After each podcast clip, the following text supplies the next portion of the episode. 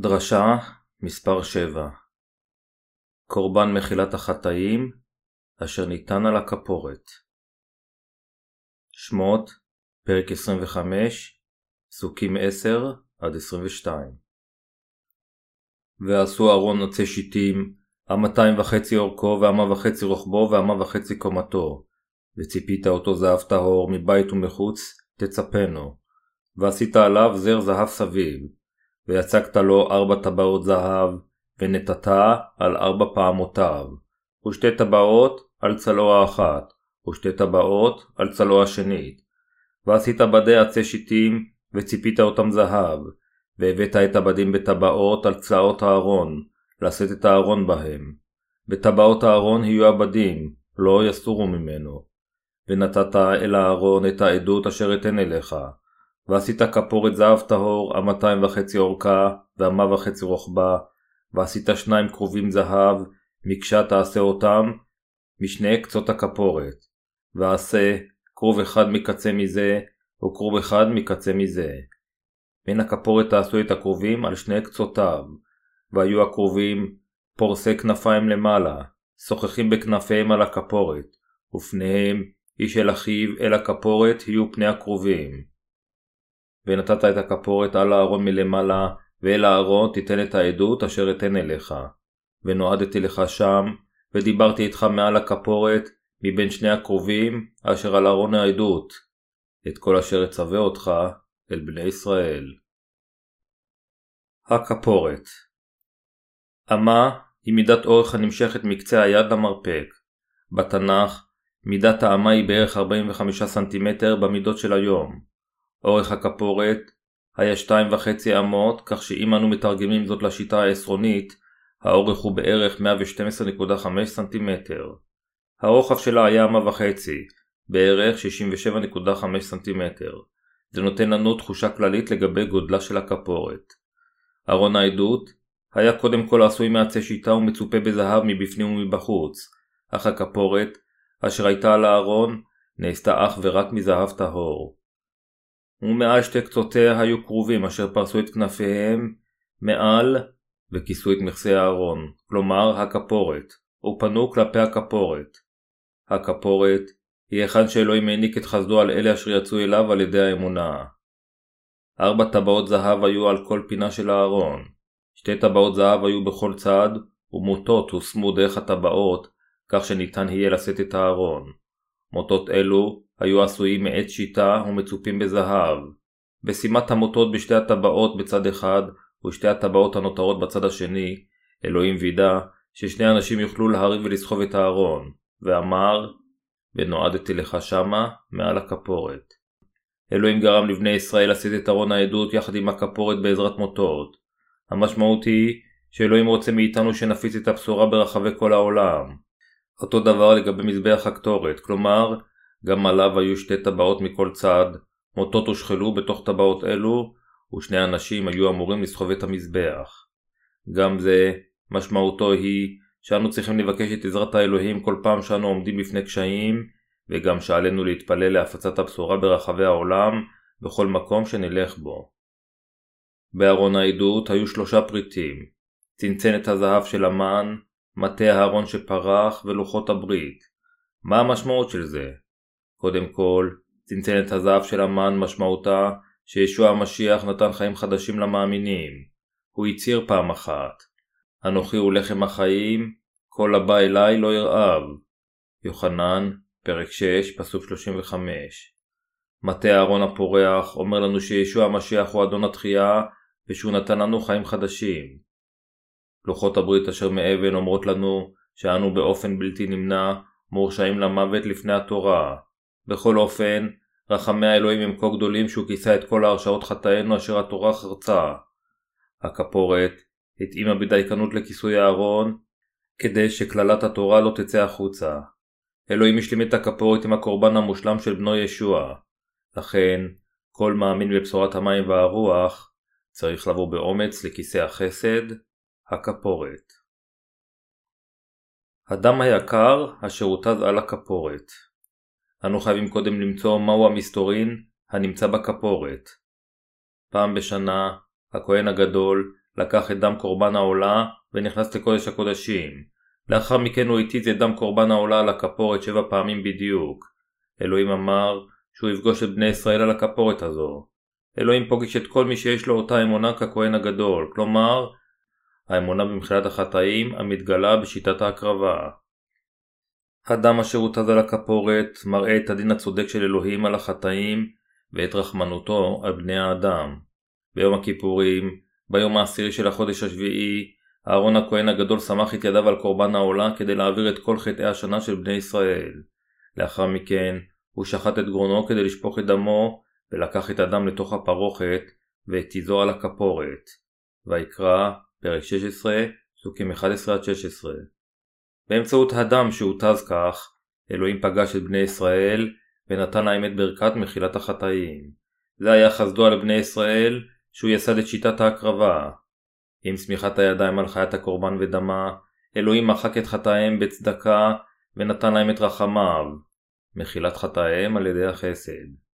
כיצד, אם כן, אנו יכולים לקבל חסד זה? עם איזה דבר אלוהים מחק את חטאינו אחת ולתמיד? אלוהים אפשר לנו להבין שחייבת להיות לנו אמונה אשר יודעת ומאמינה באמת הנראית בשיטת הקורבן, כדי שנהיה מסוגלים לקבל את המתנה אשר הוא העניק לנו. אלוהים, בצדקתו, עשה זאת לאפשרי בעזרת שני גורמים, סמיכת הידיים על ראש הקורבן ודמו. קורבן זה של הברית הישנה מראה על מה אם לא על הטבילה אשר ישוע המשיח קיבל והדם שהוא שפך על הצלב. בגלל חטאינו, ישוע המשיח בן האלוהים הוטבל על ידי יוחנן כדי לקחת את חטאי העולם, הפך לקורבן העולה על הצלב כדי לשלם את חובות החטאים הללו, מת למעננו, וקם לתחייה מן המתים כדי לתת לנו חיים. הטבילה שישוע המשיח קיבל ושפיכת דמו על הצלב, התקיימו כדי לתת לנו את מחילת החטאים, והם החסד של הברכות האמיתיות אשר מאפשרות לאלה אשר יש להם אמונה כזו לפגוש את אלוהים. אמת זו היא הצל של בשורת המים והרוח. בשורת המים והרוח היא האמת אשר יסדה את בסיס האמונה האמיתית המאפשרת לחוטאים לקבל את מחילת החטאים מאלוהים. ישוע המשיח הפך לקורבן העולה של חטאינו. הוא הפך לגשר האמת אשר מאפשר לנו ללכת לאלוהים האב הקדוש. שוב, אנו יכולים למצוא ראיה חותכת לאמת זו בצבעים של ארבעת החוטים אשר שימשו לשאר המשכן תכלת, ארגמן, חוט שני וחוטי פשתן שזורים. ארבעת החוטים של שאר המשכן. ארבעת החוטים של שאר המשכן במילים אחרות מספקים לנו רמזים על הבשורה האמיתית. הרמז הראשון הוא האמת האלוהית של חוט התכלת הנראה בשער המשכן. האמת האלוהית היא שישוע המשיח הוטבל על ידי יוחנן שפירושו שהוא לקח את חטאינו של העולם. אדוננו במילים אחרות, קיבל את חטאינו אשר יוחנן העביר לו. זוהי הסיבה שהוא המריץ את יוחנן להטבילו באומרו הנח לי כי כן נבע לנו למלא כל הצדקה. מתי? פרק 3, פסוק 15. הרמז השני הוא חוט הארגמן הנראה במשכן. הצבע הארגמן הוא צבעו של המלך ישוע המשיח, אשר הוא מלך המלכים, אשר בא לעולם הזה כמושיעם של בני האדם, כדי לגאול אותם מחטאים. הוא עזב את התהילה בגן עדן, הוא בא לעולם הזה כדי למחוק את חטאינו. ישוע המשיח הוא במהותו אלוהים בעצמו, אך כדי להושיע אותנו מכל חטאינו, הוא בא לעולם הזה, הוטבל, ונצלב בציותו לרצון האב. כדי למחוק את כל חטאינו במילים אחרות, אלוהים עזב את כיסא התהילה של גן עדן, ונולד בגופה של בתולה בעולם זה, כדי להושיע את החוטאים. לכן, אנו חייבים להאמין שעל אלוהים בעצמו היה להיוולד לבתולה, להתאבל ולשפוך את דמו על הצלב, כל זה בהתאם להבטחה שהוא הבטיח לנביא ישעיהו לפני יותר מ-700 שנה. הרמז השלישי הוא חוט השני, הוא מרמז על הדם של ישוע. האמת מראה שישוע השלים את המשימה של ישועת האלוהים על ידי ששפך את דמו על הצלב. שפיכת דמו על הצלב הייתה העונש אשר נשמר על רשעותם של כל הפושעים. עם עונש החטאים שישוע נשא באמצעות טבילתו, כל חטאי בני האדם נשפטו. על ידי שנצלב ושפך את דמו, הוא נשא את ההרשעות של כל חטאי העולם, ועל ידי כך הושע אותנו מהחטאים. בקבלו את חטאינו מיוחנן באמצעות טבילתו, ובצייתו לאב עד מוות, אלוהים הושיע את כל החוטאים מחטאיהם. האם אתם מבינים שישוע הביא לקיצן את כל ההרשעות על החטאים, והפך את המאמינים לילדי האלוהים, על ידי שנשא את ההרשעות באופן ייצוגי עם עונש הצליבה שלו? אלוהים עשה את כל הדברים הללו כדי שנאמין באמת הזו ונקבל חיי נצח. המשמעות שישוע הוטבל ואז הורשע על הצלב היא שהוא הושיע אותנו מהחטא. זוהי הסיבה מדוע הוא צעק עם נשמתו האחרונה כולה. יוחנן פרק 19 פסוק 30 ישוע הכריז בשמחה גדולה ובהקלה שהוא השלים את ישועתנו מהחטא בהתאם לרצון אלוהים האב. לבסוף, הפשתן השזור מרמז שישוע הוא האלוהים של הכתוב. הוא מגלה את רצון האלוהים באמצעות הכתוב המתוחכם והצודק. בברית הישנה, הוא אמר מראש שהוא יבוא לעולם הזה ויושיע את כל בני האדם עם טבילתו וצליבתו. לאחר מכן הוא קיים בדיוק את כל הבטחותיו בברית החדשה. זוהי הסיבה מדוע התנ"ך אומר בראשית היה הדבר, והדבר היה את האלוהים, ואלוהים היה הדבר, והדבר נהיה בשר, וישכון בתוכנו, ונחזה תפארתו כתפארת בן יחיד לאביו, רב החסד ואמת.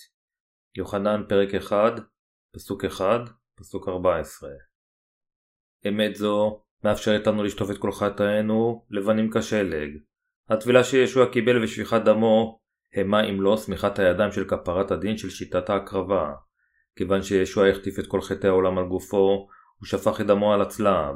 כיוון שישוע הוטבל כדי לשאת את כל חטאינו למעננו, והלך לצלב ושפך את דמו עליו, אמת זו היא מה שהפכה הכפרה אשר שטפה את חטאינו. הטבילה שאדוננו קיבל כאשר הוא בא לעולם הזה כאדם, והדם אשר הוא שפך על הצלב, הם האמת הנראית בתכלת, ארגמן וחוט השני. ישוע נולד בעולם הזה לפני אלפיים שנים, לקח את חטאי העולם כשהוא הוטבל, מת על הצלב, קם לתחייה מן המתים תוך שלושה ימים, נשא עדות במשך ארבעים יום לאחר מכן, ואז התרומם לימינו של כיסא האלוהים. זוהי האמת, אשר בתכלת, ארגמן וחוט השני. אלוהים אומר לנו להאמין באמת הזו, שהוא הושיע אותנו מכל חטאינו, על ידי שמחכם. כאשר אנו מאמינים באמת, אלוהים אומר לנו, עתה הפכתם לילדיי, אינכם חוטאים. אתם עמי ולא חוטאים יותר. אני הושעתי אתכם מכל חטאיכם, הרשעותיכם ומהקללות. אני הושעתי אתכם עם אהבתי אשר היא ללא תנאי, כיוון שאתם כה נחמדים אליי, הושעתי אתכם ללא כל תנאי. כיוון שאני אוהב אתכם, הושעתי אתכם בעצמי. לא רק שאהבתי אתכם, אלא למעשה, הפגנתי גם את אהבתי אליכם בדרך הזו. ראו את דם קורבני, זוהי ההוכחה לאהבתי אליכם, הצגתי לכם את ההוכחה הזו. כאשר באנו לישוע כעניים ברוח, הוא הראה לנו שהוא הושיע אותנו עם התכלת הארגמן וחוט השני. ישוע בא אל הארץ הזו, הוטבל, הושפל, והורשע למוות על הצלב, קם לתחייה מן המתים, והתרומם לגן עדן. אלוהים פוגש כל מי שמאמין באהבת הישועה שלו. אלוהים מעניק את חסד הישועה לאלה אשר מאמינים. ישועתו הפכה יצורים בלבד לילדי האלוהים. אלוהים אומר לנו, אתם עתה ילדיי, אתם בניי ובנותיי, אינכם ילדי השטן יותר, אלא ילדיי, אינכם יצורים יותר, אלא עמי, אני כיפרתי על כל חטאיכם באמצעות בני ישוע, אני הפכתי אתכם עתה לעמי, ואתם הפכתם לעמי על ידי האמונה. אלוהים לא רק הושע את החוטאים, אלא הוא העניק להם גם את החסד של עשייתם לילדיו. אלוהים כינה את כיסויי ארון העדות בשם כפורת. שני קרובים היו מעליה. מדוע אלוהים אמר שהוא יפגוש את בני ישראל מעל הכפורת? הסיבה לכך היא, כיוון שאלוהים מחל על כל חטאי בני ישראל, על ידי קבלת הדם של קורבן החיה, אשר הועברו עליה, כל חטאיהם עם שמיכת הידיים. אלוהים אמר זאת במילים אחרות, כיוון שהוא רצה לתת לבני ישראל את מחילת חטאיהם כמתנה, על ידי שהם יעבירו את חטאיהם על קורבן העולה שלהם על ראשו, ועל ידי שקורבן העולה ישלם על חטאיהם באופן ייצוגי למענם, הכל כדי למחוק את חטאי עמו. כיוון שאלוהים לא יכל לפגוש את החוטאים ללא קורבן הכפרה, באמצעות קורבן העולה הוא מחק את כל חטאיהם או פגש אותם. כצאצאו של אדם, כל אחד נולד בעולם הזה עם חטאים. לכן, לכולם יש חטאים, ואף אחד אינו יכול לפגוש את אלוהים ללא עולת הקורבן. זוהי הסיבה מדוע אלוהים אמר שהוא יקבל את קורבן העולה אשר יכפר על חטאי בני ישראל ויפגוש אותם מעל הכפורת. אלוהים גרם לבני ישראל לקבוע את היום העשירי בחודש השביעי כיום הכיפורים. הוא גרם לכהן הגדול להעביר את חטאי השנה של בני ישראל על קורבן העולה ולתת לו את דם הקורבן.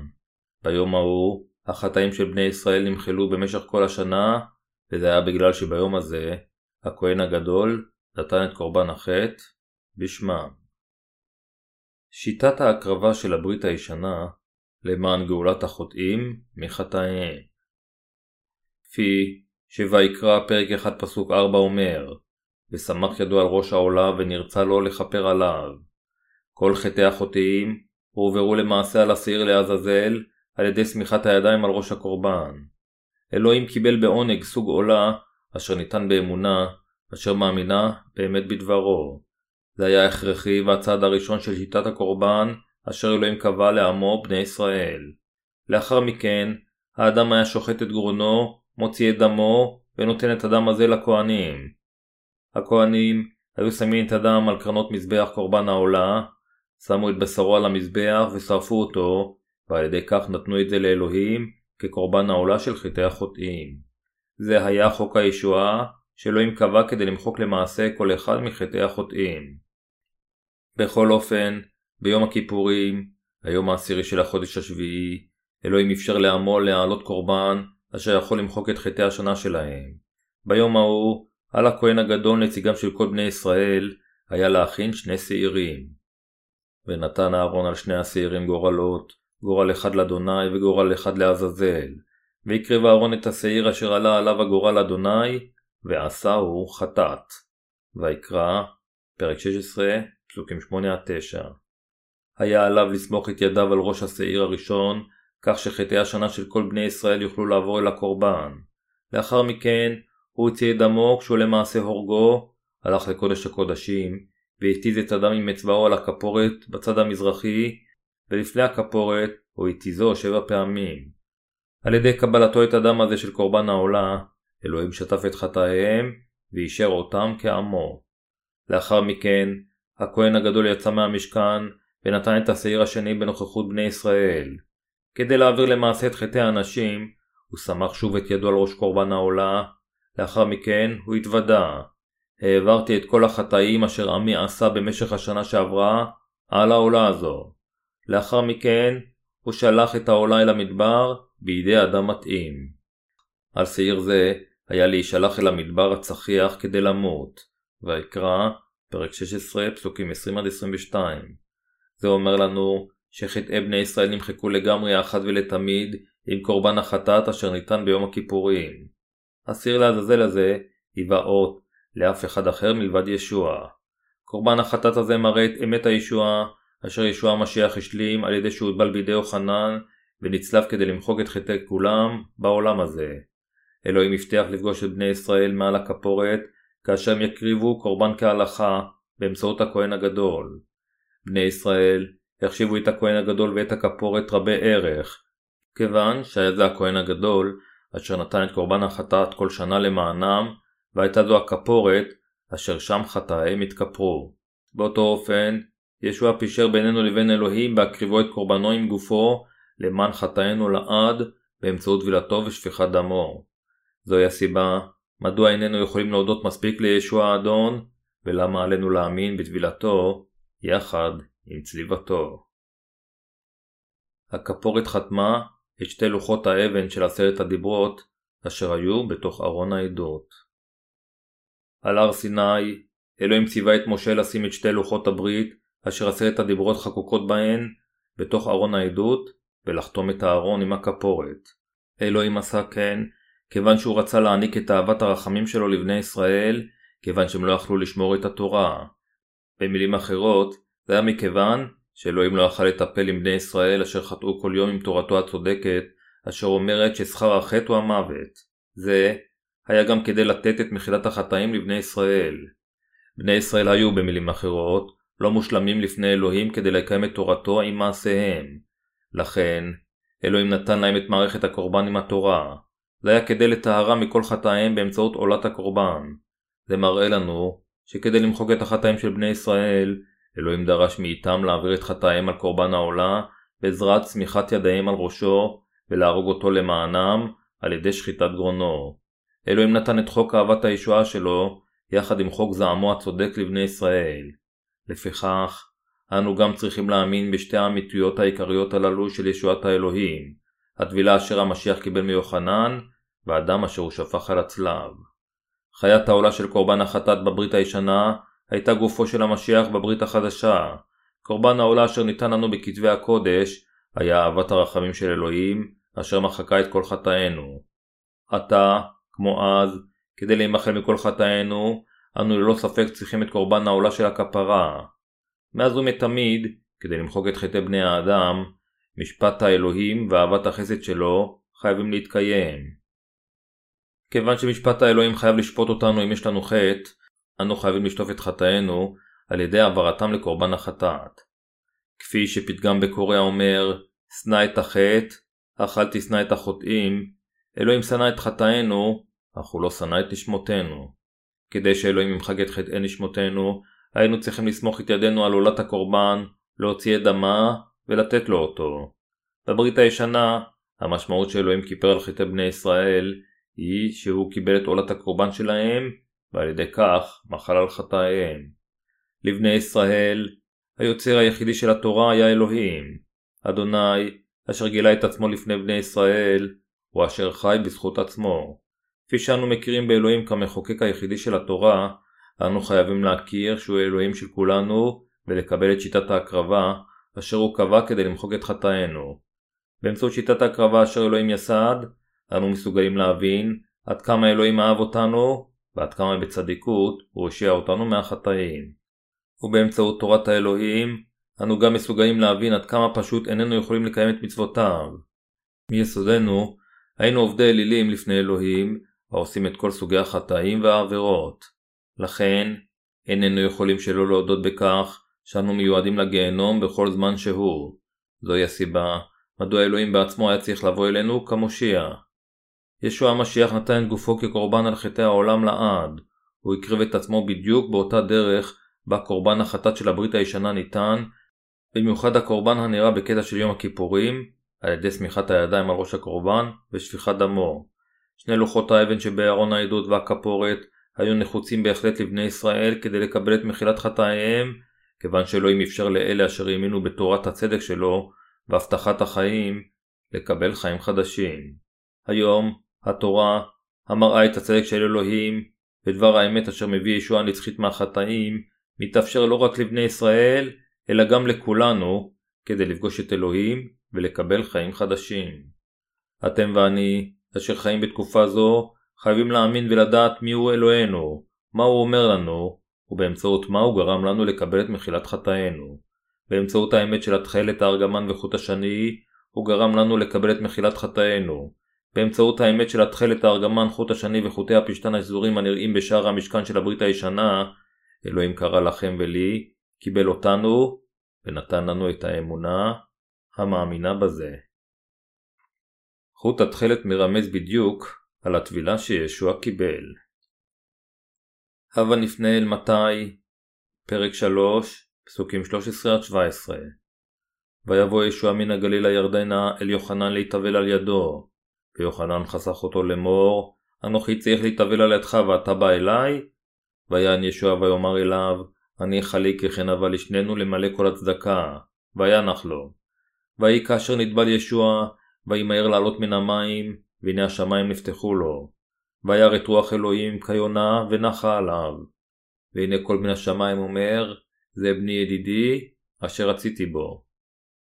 באמצעות העולה אשר ניתנה על ידי שיטת ההקרבה של הברית הישנה, אלוהים אהב הראה למעשה שהוא יעביר את כל חטאי העולם על בנו היחיד ישוע המשיח.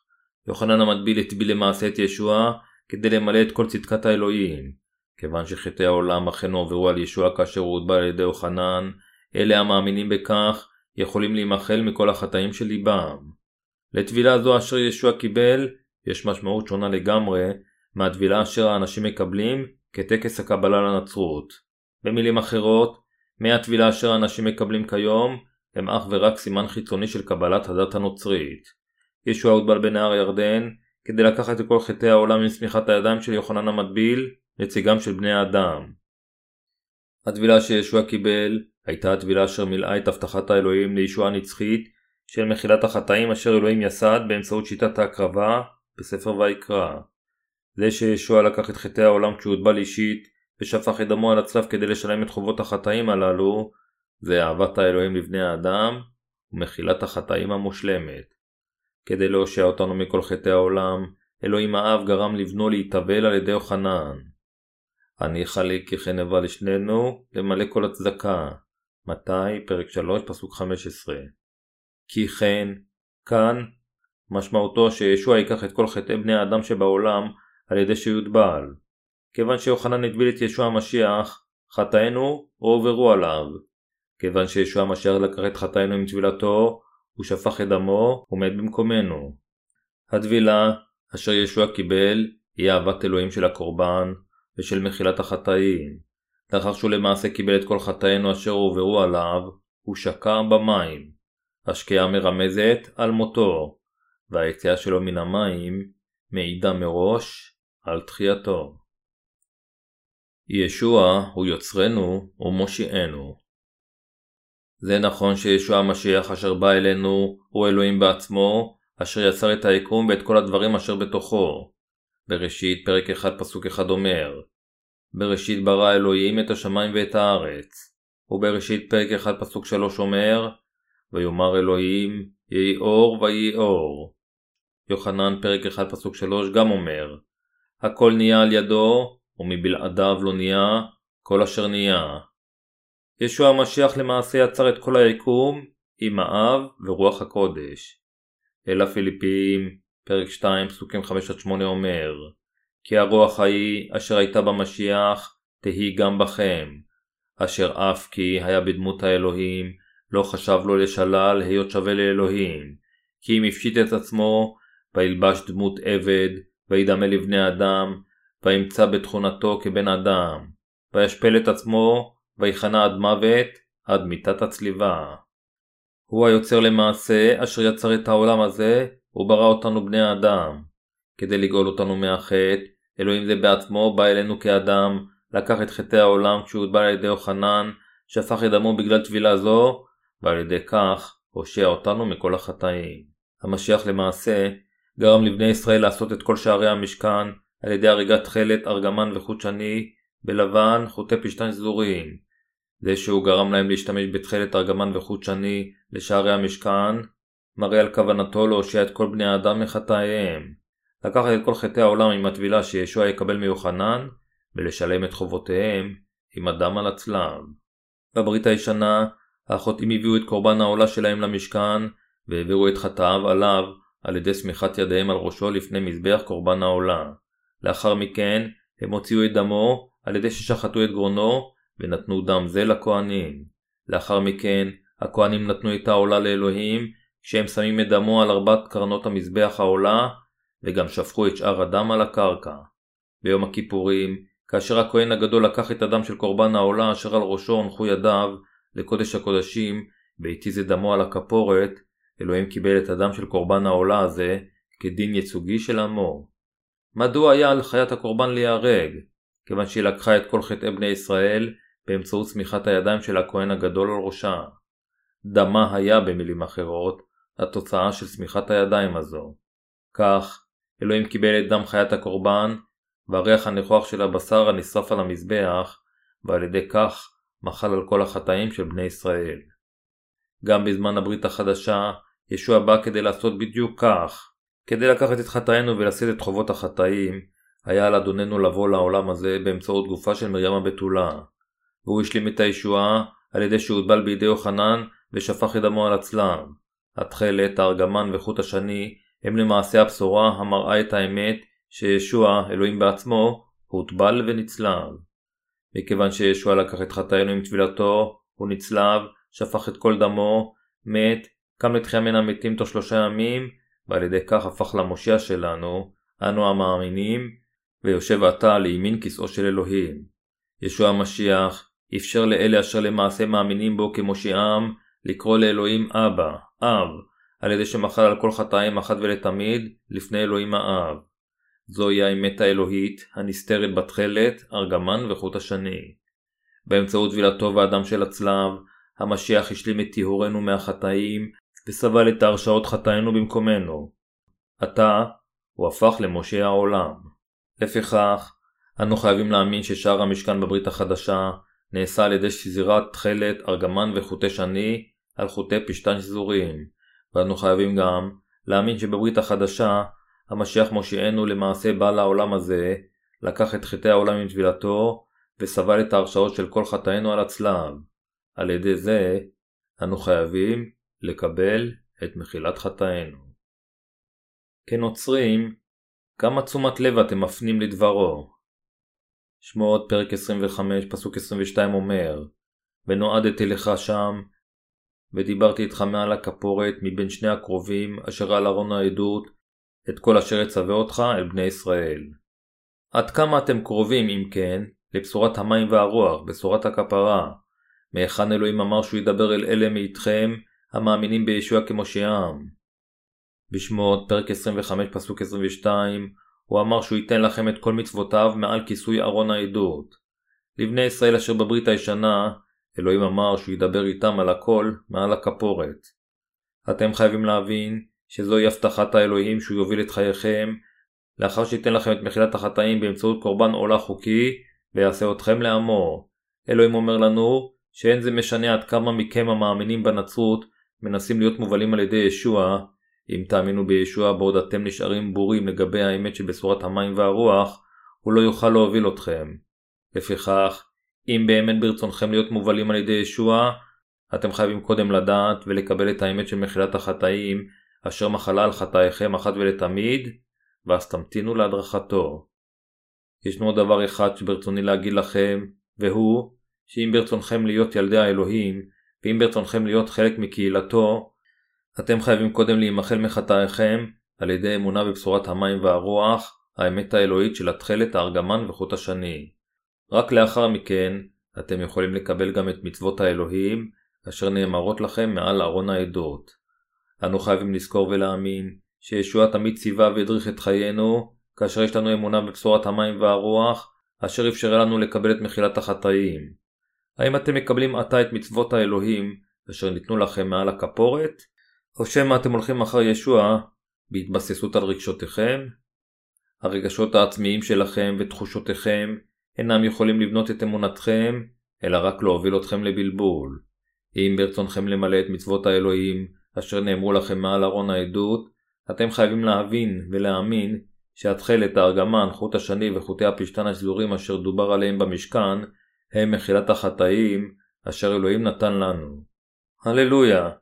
אני מודה לאלוהים על טבילת ישוע, על הדם על הצלב, ועל כוחו ואהבתו, אשר הושיעו אותנו מכל חטאי העולם.